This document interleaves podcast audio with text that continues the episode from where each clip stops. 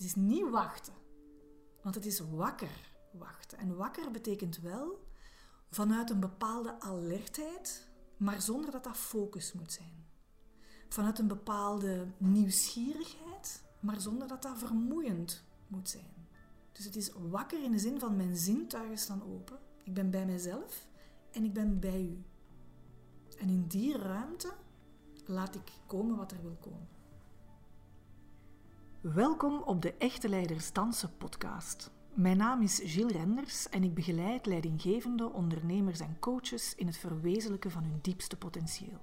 Zelf ben ik een germaniste, theatermaker, psychotherapeute, coach en moeder van een dochter. En ik houd van dansen, letterlijk en figuurlijk. Dansen als een alternatief voor vechten. Meebewegen met wat je pad kruist, in plaats van je te verzetten en jezelf uit te putten. Het is de uitdaging waar wij in 2020 collectief voor zijn komen te staan. Ontdek in deze podcast hoe jij bijdraagt aan de geboorte van een nieuw tijdperk, waarin vertrouwen en verbondenheid hun plek innemen naast de oude focus op winst en groei. Ontdek hoe jouw persoonlijke keuzes meer dan ooit van invloed zijn op de globale omwenteling.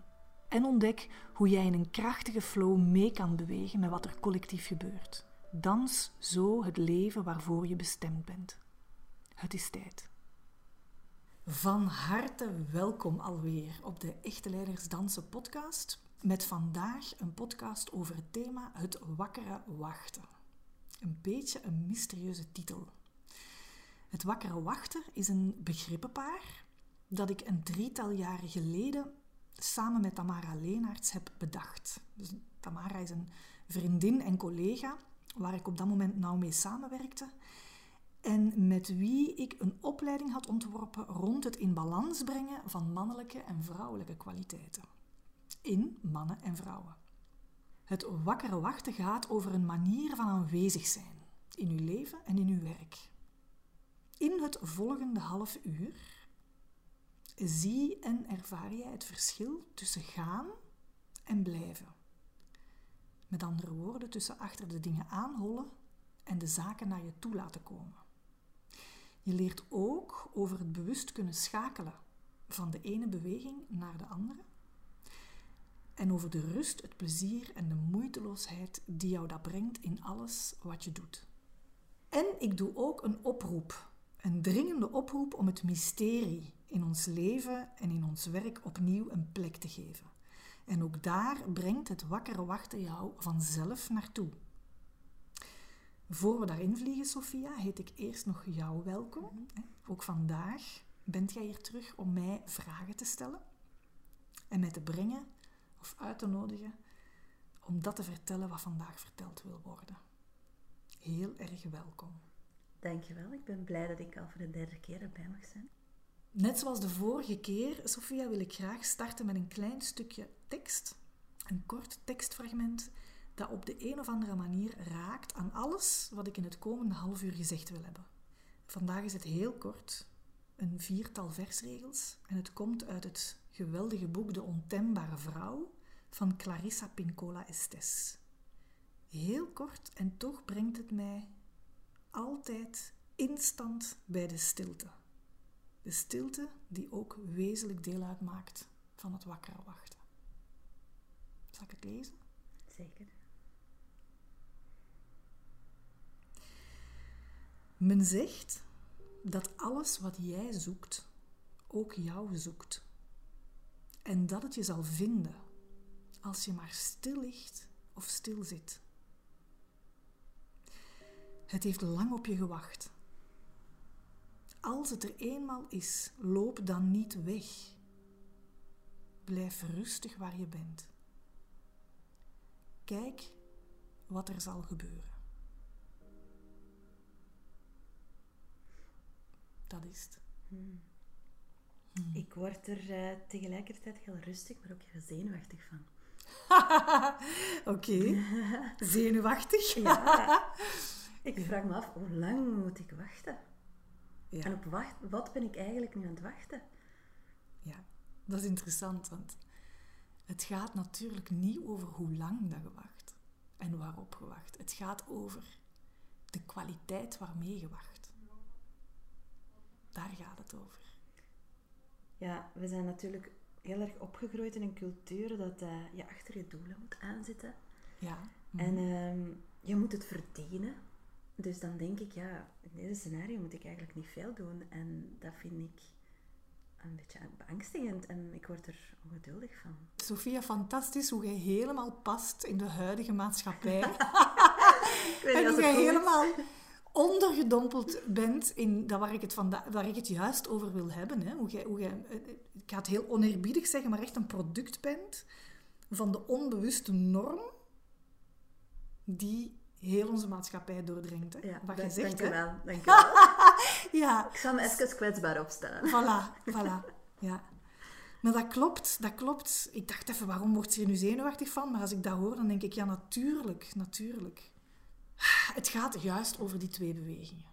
Het gaat over de beweging van, van actie, van gaan, achter de dingen aangaan. En dan bedoel ik het zelfs nog niet hollen, want hollen is de doorgeschoten vorm. Hè? Dat is al nimmer het gezonde.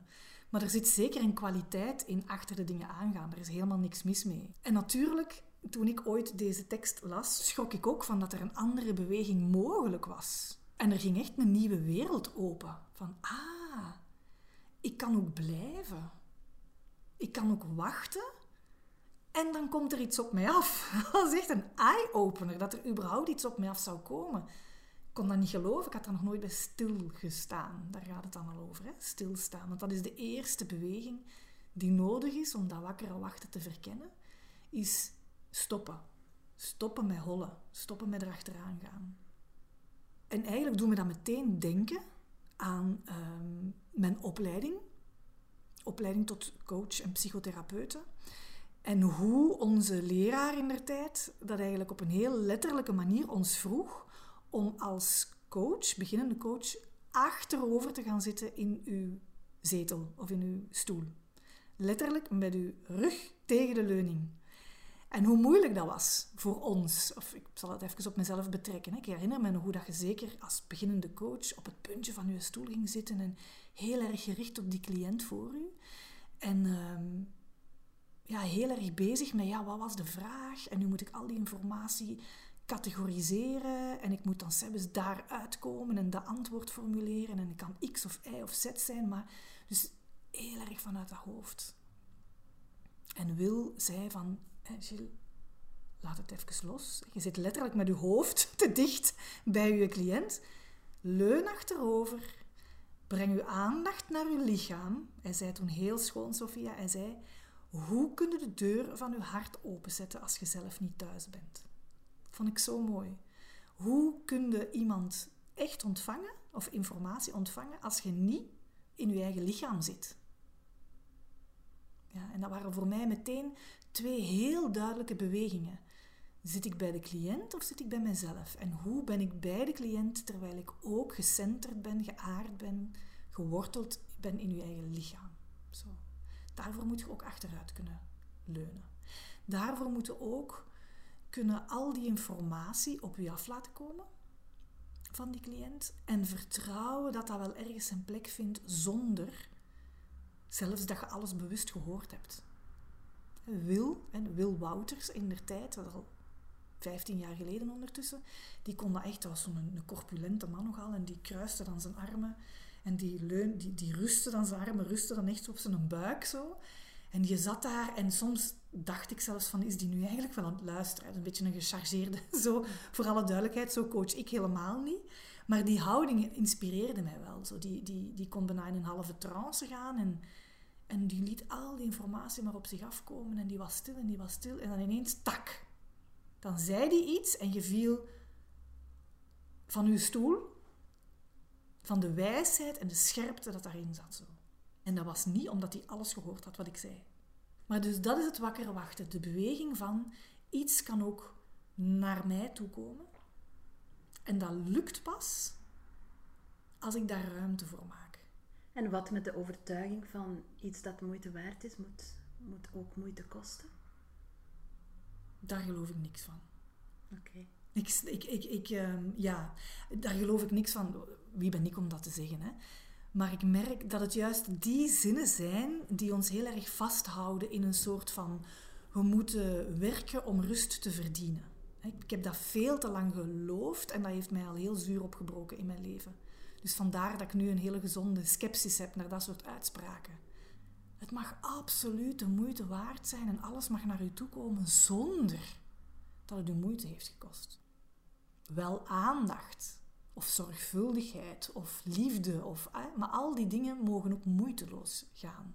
Dus voor alle duidelijkheid, het gaat niet over een houding van, oh, ik doe maar wat. Ik leun er wat achteruit en het zal wel komen. Nee, nee. Dat is het verschil tussen wachten en wakker wachten.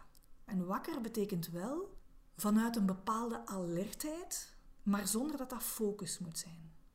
Vanuit een bepaalde nieuwsgierigheid, maar zonder dat dat vermoeiend moet zijn. Dus het is wakker in de zin van mijn zintuigen staan open. Ik ben aanwezig in het moment. Ik ben helemaal klaar voor u. Ik ben helemaal bij u. Ik ben bij mezelf en ik ben bij u. En in die ruimte laat ik komen wat er wil komen.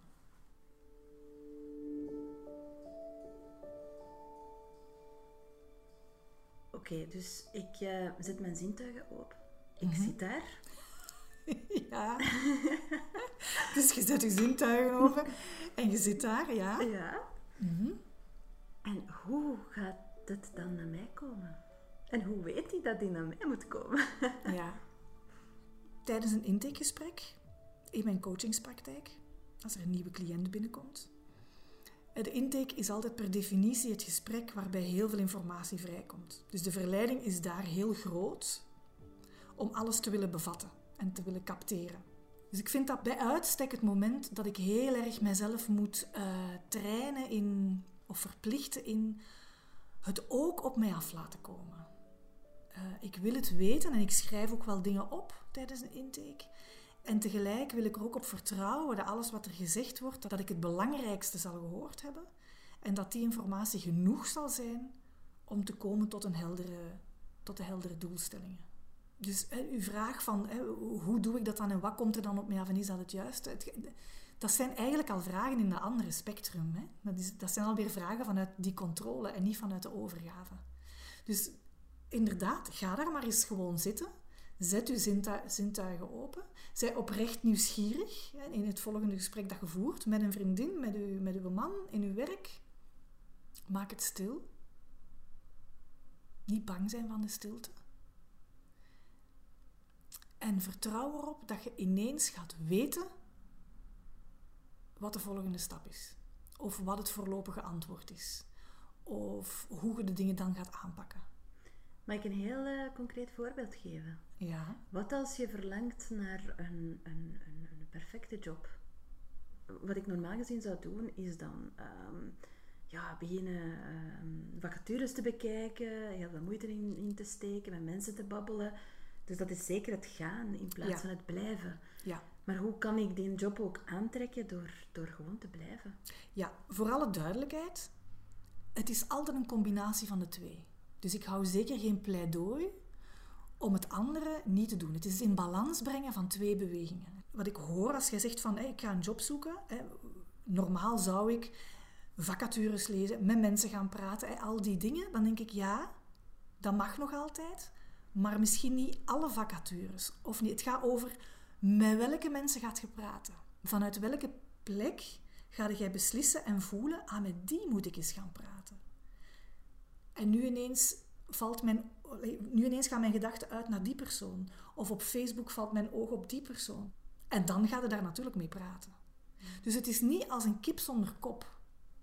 Of, of, of als een kip met alleen maar kop alleen maar vanuit uw hoofd. Die, die, die. En dan heb ik een lijstje van twintig, maar dan put ik mezelf al uit nog voor ik ben begonnen. Terwijl je zegt, oké, wacht. Even uitademen. Je visualiseert die droomjob. En dan ga je eens voorzichtig vragen vanuit die toestand. Vraag je van, oké, en met wie, wie komt er dan nu mee op om eens mee te gaan praten? En dan komen er misschien drie namen. Of er komt nog geen naam. Maar je gaat even op je Facebook-profiel scrollen en hopla, daar is een naam.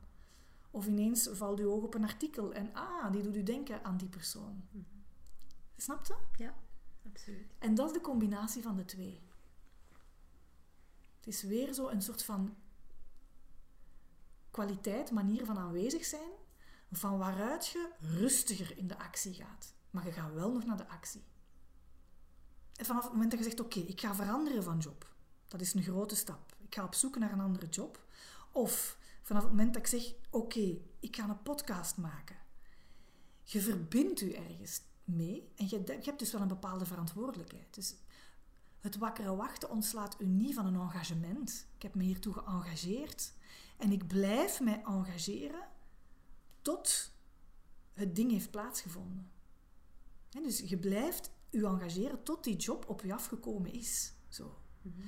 Maar dat engageren is een combinatie van gaan en blijven. Nu heb ik iets te doen, ik heb het gedaan. Oké, dan, dan ga ik... Het is niet, dan ga ik wachten, maar dan ga ik even kijken wat er nu gebeurt. Dat zegt Estes ook, hè. Als een... Wacht, hè. Het zal je vinden als je maar stil ligt of stil zit. Als het er eenmaal is, loop dan niet weg. Kijk wat er zal gebeuren. Het is ook, oké, nu kijk ik wat... Gebeurt er iets? Of heb ik nog iets toe te voegen van actie? Of niet? Vaak is uw eigen energiepeil een goede barometer. Als je heel moe wordt in de zin van ik ben aan het leeglopen, ik ben mij aan het uitputten, dan zit het te veel in het gaan. Te veel in de actie. Maar als je het gevoel krijgt, ik ben in slaap aan het vallen, ik ben aan het afhaken, ik ben, mijn, mijn aandacht gaat weg, dan zit je misschien te veel in de andere pool van het wachten, dan valt in slaap. Dus dan is er ook wel weer iets nodig dat u vuur geeft. Dan heb je weer poeng, een vonk nodig die u naar actie brengt. Hm. Dus het is nooit zomaar wachten en het is nooit als een kip zonder kop. Het is altijd daar in dat midden. En in dat midden blijven vraagt wel een voortdurend engagement en aandacht.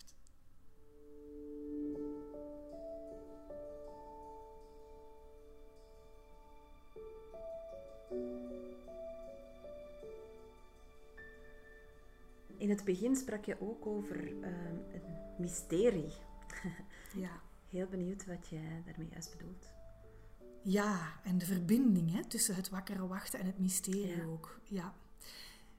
Natuurlijk, het achter de dingen aanhollen is gerelateerd weer met onze behoefte aan controleren en aan het willen weten. Van het moment dat ik ga wachten op wat er zich aandient, zet ik mij achteruit. Ga ik veel meer voelen en is veel meer gelinkt aan een, een, een houding van, van overgave en van vertrouwen. Van ik geef mij over aan iets dat nog moet komen en ik weet niet wat. Zo. Dus dat is veel meer die, die, die houding van overgave. En voor mij zit er in die houding ook wel een element van mysterie in. Omdat, zoals Estes ook zegt, men zegt dat alles wat jij zoekt, ook jou zoekt. Dus iets zoekt mij. Als ik dat letterlijk neem, dan denk ik, hoe mysterieus is dat? Iets zoekt mij. Dus er zit een soort van um, overtuiging in dat het universum ook iets met mij wil.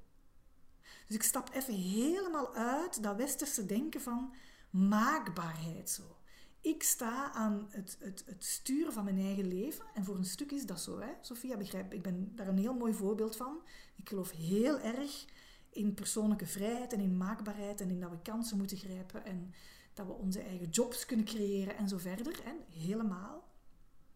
En ik vind het van wezenlijk belang om daar ook weer uw plek in te kennen. Om niet alleen maar aan het sturen van uw leven te staan, maar ook te weten dat er iets groter of hoger is, dat blijkbaar door ons heen iets wil. Wat is een missie? Van waar komt uw missie? Waarom wil ik nu een aantal dingen in mijn leven, zoals deze podcast, die me in eerste instantie niks opbrengen? Dat vind ik mysterieus. Iets wil ook iets van mij. Dus er is ook die overtuiging dat er iets is wat door mij heen zich wil manifesteren. Bij kunstenaars ehm, is dat veel meer en veel tastbaarder. Elke schrijver kent het gevoel dat een roman zichzelf schrijft. Er is, die personages die hebben hun eigen verhaal. Hè? En, en elke schrijver kent het gevoel van ineens, ik had wel een soort van thema of een verhaal, een personage en een verhaallijn, maar op een bepaald moment willen die personages zelf hun verhaal vertellen. En gaat dat verhaal een kant op die ik zelf niet heb bedacht. Dat is toch fantastisch. Zo. En eigenlijk is dat, is dat een stuk mysterie dat wij verloren zijn geraakt. Nu refereer ik even naar een TEDx-lezing van Elizabeth Gilbert, die Elusive Creative Genius. Kan iedereen eens eh, naar kijken. Ik vond dat heel inspirerend. En zij vertelt daarin hoe dat, de oude Romeinen gebruikten het woord genius als iets dat buiten henzelf geplaatst werd. Zo van, kijk, ik ben hier de schrijver en er is ook een soort van genius die mij komt bezoeken. En uh, in samenwerking met die genius creëren wij samen een boek. En dat is eigenlijk fantastisch, want dat betekent dat je als schrijver en als maker dus ook, of een creatieveling in het algemeen, maar voor een stuk verantwoordelijk bent voor wat je maakt. En ik vind dat heerlijk geruststellend. Om het even helemaal terug concreet te maken in de eigen coachingspraktijk. Ook als coach ga ik die houding aannemen. Van kijk, ik stel mij open, ik ben bij u aanwezig, maar ik hoef het niet voor u op te lossen. De oplossing zit hier in u, in mij en ook tussen ons. En die gaat zich tonen. De genius is dan even de oplossing of de volgende stap. Die gaat zich vanzelf tonen. En denk ik, hoe fantastisch is dat? Ik creëer een ruimte, ik ben hier met al mijn hebben en houden en dan komt iets naar ons toe. Ja. Ik moet ook nog even denken aan uh, Johannes Schmid, fantastische man die ik onder andere ken van de, het opstellingenwerk, die um, op een bepaald moment aan het begin van een opleiding zei: You might not get here what you want, but what you need. Vind ik heel mooi. Vaak komt een cliënt in mijn coachingspraktijk met een bepaalde vraag en komt er een heel ander antwoord. Dat was dus niet wat hij wilde, maar wel wat hij nodig had. En dat onderscheid is ook voor mij een onderscheid tussen ik die mij voor een stuk ook ontsla van de volle verantwoordelijkheid en daardoor ruimte creëer voor iets dat zich ook wil tonen en wat wij, nog de cliënt, nog ik op voorhand konden weten. Om nu even nog de link te leggen met de genius. De Romeinen zeiden vroeger that we have a genius. En het is pas uh, in de tijd van de verlichting, 17e, 18e eeuw eigenlijk, dat we gaan, gaan, gaan spreken over I am a genius. Vind ik zo mooi. Dat markeert echt een hele grote omslag in ons denken, in onze cultuur. tijdens de verlichting hebben wij ons in het centrum van het universum geplaatst. Daarvoor waren er machten groter dan ons, met ook alle negatieve zaken van dien. Maar wij stonden niet in het midden van het universum. Er waren machten hoger dan ons, waar wij aan hadden te gehoorzamen. Maar in de 18e eeuw kwam de maakbaarheid van het leven. En dat was goed, want daardoor hebben we een, een, einde gemaakt aan feodale systemen, aan machtsmisbruik van religie, van de kerk en van koningen en zo verder. Dus het was goed. We werden ook ration, het rationele denken werd geboren. Maar het mysterie hebben we uit het leven weggezogen. En dat is ook weer niet de bedoeling. Dat is weer dat doorslagen. En het wakker wachten brengt dat er terug in. Naast het rationele denken, het achter de dingen aangaan, naast wat we allemaal mogen weten, ook het niet weten. En en. Niet het een of het ander. Het een en het ander. En het mysterie wil ik ook niet te mystiek of te diep mystiek laten klinken. Het mysterie is ook iets heel natuurlijk. Iets wat we allemaal kennen. Iedereen hier die nu aan het luisteren is, zeker iedereen die naar zo'n rare podcast luistert als deze, kent het gevoel van: dit is groter dan ik. De droom die ik heb is mijn droom en is tegelijk helemaal niet van mij. Die missie die ik heb is mijn missie, maar is tegelijk helemaal niet van mij.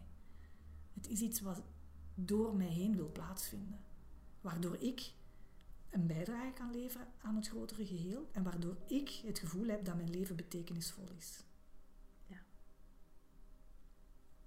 Hoe krijgt ons leven zin?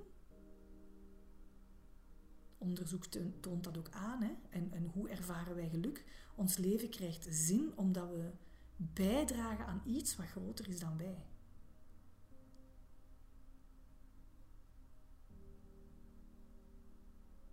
Er zijn toch heel veel mensen die, uh, als jij dan afkomt met mysterie, gewoon afknappen. Dat die daar volledig niet in geloven. Ja, dat is zo jammer. Dat vind ik nu zo jammer. Want wat ik hier nu net vertelde over een missie hebben. En het gevoel dat een echt een droom of een diep verlangen hè, of iets wat je echt wilt doen, dat dat niet alleen van u is. Dat begrijpt toch iedereen? Dat kent iedereen. Zo van, ik, ik doe dat hier wel, maar dat is groter dan mezelf. Of dat is sterker dan... Het zit in onze taal. Hè? Ik doe het omdat het sterker is dan mezelf. Dat is gewoon wat ik bedoel met dat mysterie. Dus aan de ene kant begrijpen we helemaal onze verhouding met dat mysterie. Kennen we dat nog? We kennen dat nog. We, we ontkennen het niet. En aan de andere kant, in het dagdagelijkse leven, doen we alsof het niet bestaat. En sterker nog, hebben we een kwenuw groot oordeel naar alles wat naar mysterie ruikt. Als ik dat woord uitspreek, het, is, het is al beter dan spiritueel, of laat staan zweverig of esoterisch. Hè, maar het, het, het, het, geurtje hangt er al als ik het woord mysterie uitspreek. Dat is ook precies waarom jij je vraag stelt. Hè. Sommige mensen willen geen mysterie. Maar dat oordeel, hè, dat oordeel op alles wat niet tastbaar is, wat niet door de vijf zintuigen kan gevoeld worden of gemeten worden, dat vind ik zo erg. Ja. dat is het mysterie dus weghalen uit het, uit het leven. Maar ook het mysterie als waarheid. Het mysterie is geen een extra. Het is fundamenteel onderdeel van onze realiteit. En als we dat weghalen, dan missen we enorm veel. En het is ook even waar als de realiteit. Als ik even het mysterie ten opzichte van de realiteit zet, wat stom is, want het is er deel van, maar om het nu in taal duidelijk te maken. Wij zijn geconditioneerd om de realiteit te zien als de waarheid. En het mysterie als iets ja, waar je dan in gelooft of in niet in gelooft. Dat komt verder uit die houding van afgescheidenheid. Omdat we ons niet meer één voelen met dat grotere geheel. Dat grotere geheel is juist waar wij deel van zijn. Waar wij onze plek in hebben. En als we zo naar dat grotere geheel kijken, dan zijn wij gewoon deel ervan. En dan gaat ook alle acties in uw leven in functie doen en ten dienste van dat grotere geheel. Dan gaan we dus ook zorgen voor dat grotere geheel. En dat grotere geheel is wij allemaal, maar ook wij in contact met de natuur. Ja. En dan, dan zal het zo zijn, zoals Charles Eisenstein zegt in een fantastisch interview, dat als het Amazonewoud sterft, dat er iets in ons sterft. Dus dat je u helemaal ook verbindt terug met dat grotere geheel. Met dat mysterie. En, en dat is de stap waar we nu collectief aan toe zijn. En het start heel individueel bij elk van ons persoonlijk door wakker te gaan wachten. Door het mysterie terug binnen te brengen, door uit te zoomen in plaats van alleen maar inzoomen. Door te blijven in plaats van alleen maar te gaan. Mooi. Ik ben heel benieuwd naar je onderwerp voor volgende week. Ja, het onderwerp van volgende week. Er is in ieder geval een onderwerp dat er aankomt. En dat zal heten Het Jaar van de Man. Een aflevering of een podcast hè, waar ik nu echt al naar uitkijk, omdat het, omdat, omdat, ik, omdat het gaat over mijn liefde voor het proces, mijn liefde, maar ook mijn empathie voor het proces waar mannen op dit moment in deze tijd in zitten. In al die kantelbewegingen en de uitdaging van kwetsbaarheid en voelen en, zo verder. Ehm, ik vind dat een proces dat voor mannen nog veel heftiger is volgens mij dan voor vrouwen en waar wij vrouwen ons niet altijd van bewust zijn. Dus het is zeker een aflevering voor zowel mannen als vrouwen. Maar hij is op, ik draag hem met heel veel liefde op aan de, uh, de man, of het proces van de man. Het is alleen nog niet zeker of het de volgende aflevering is of de aflevering daarna. Want ik voel dat er nog iets anders, een onderwerp in de lucht hangt op mhm. deze moment. Om dan in het thema te blijven. En het is een beetje voelen of dat er dus nog een andere aflevering tussen moet eerst. Maar ik ben aan het wachten tot dat thema naar mij toe komt. Of arriveert. Maar het is wel onderweg. Ik zou zeggen, laat de genius maar binnen. Hè? dat is goed. Ja, merci Sophia. Dank je wel. Voor uw fijne, fijne, fijne vragen van vandaag. Dat helpt me echt om te vertellen wat verteld wil worden. Heel graag gedaan en tot binnen een week. Tot binnen een week. Dankjewel voor jouw aandacht en nieuwsgierigheid. Heeft deze aflevering je geraakt en kijk je uit naar de volgende? Kies dan voor abonneren of volgen in je podcast-app. Wil je reageren of me verder leren kennen?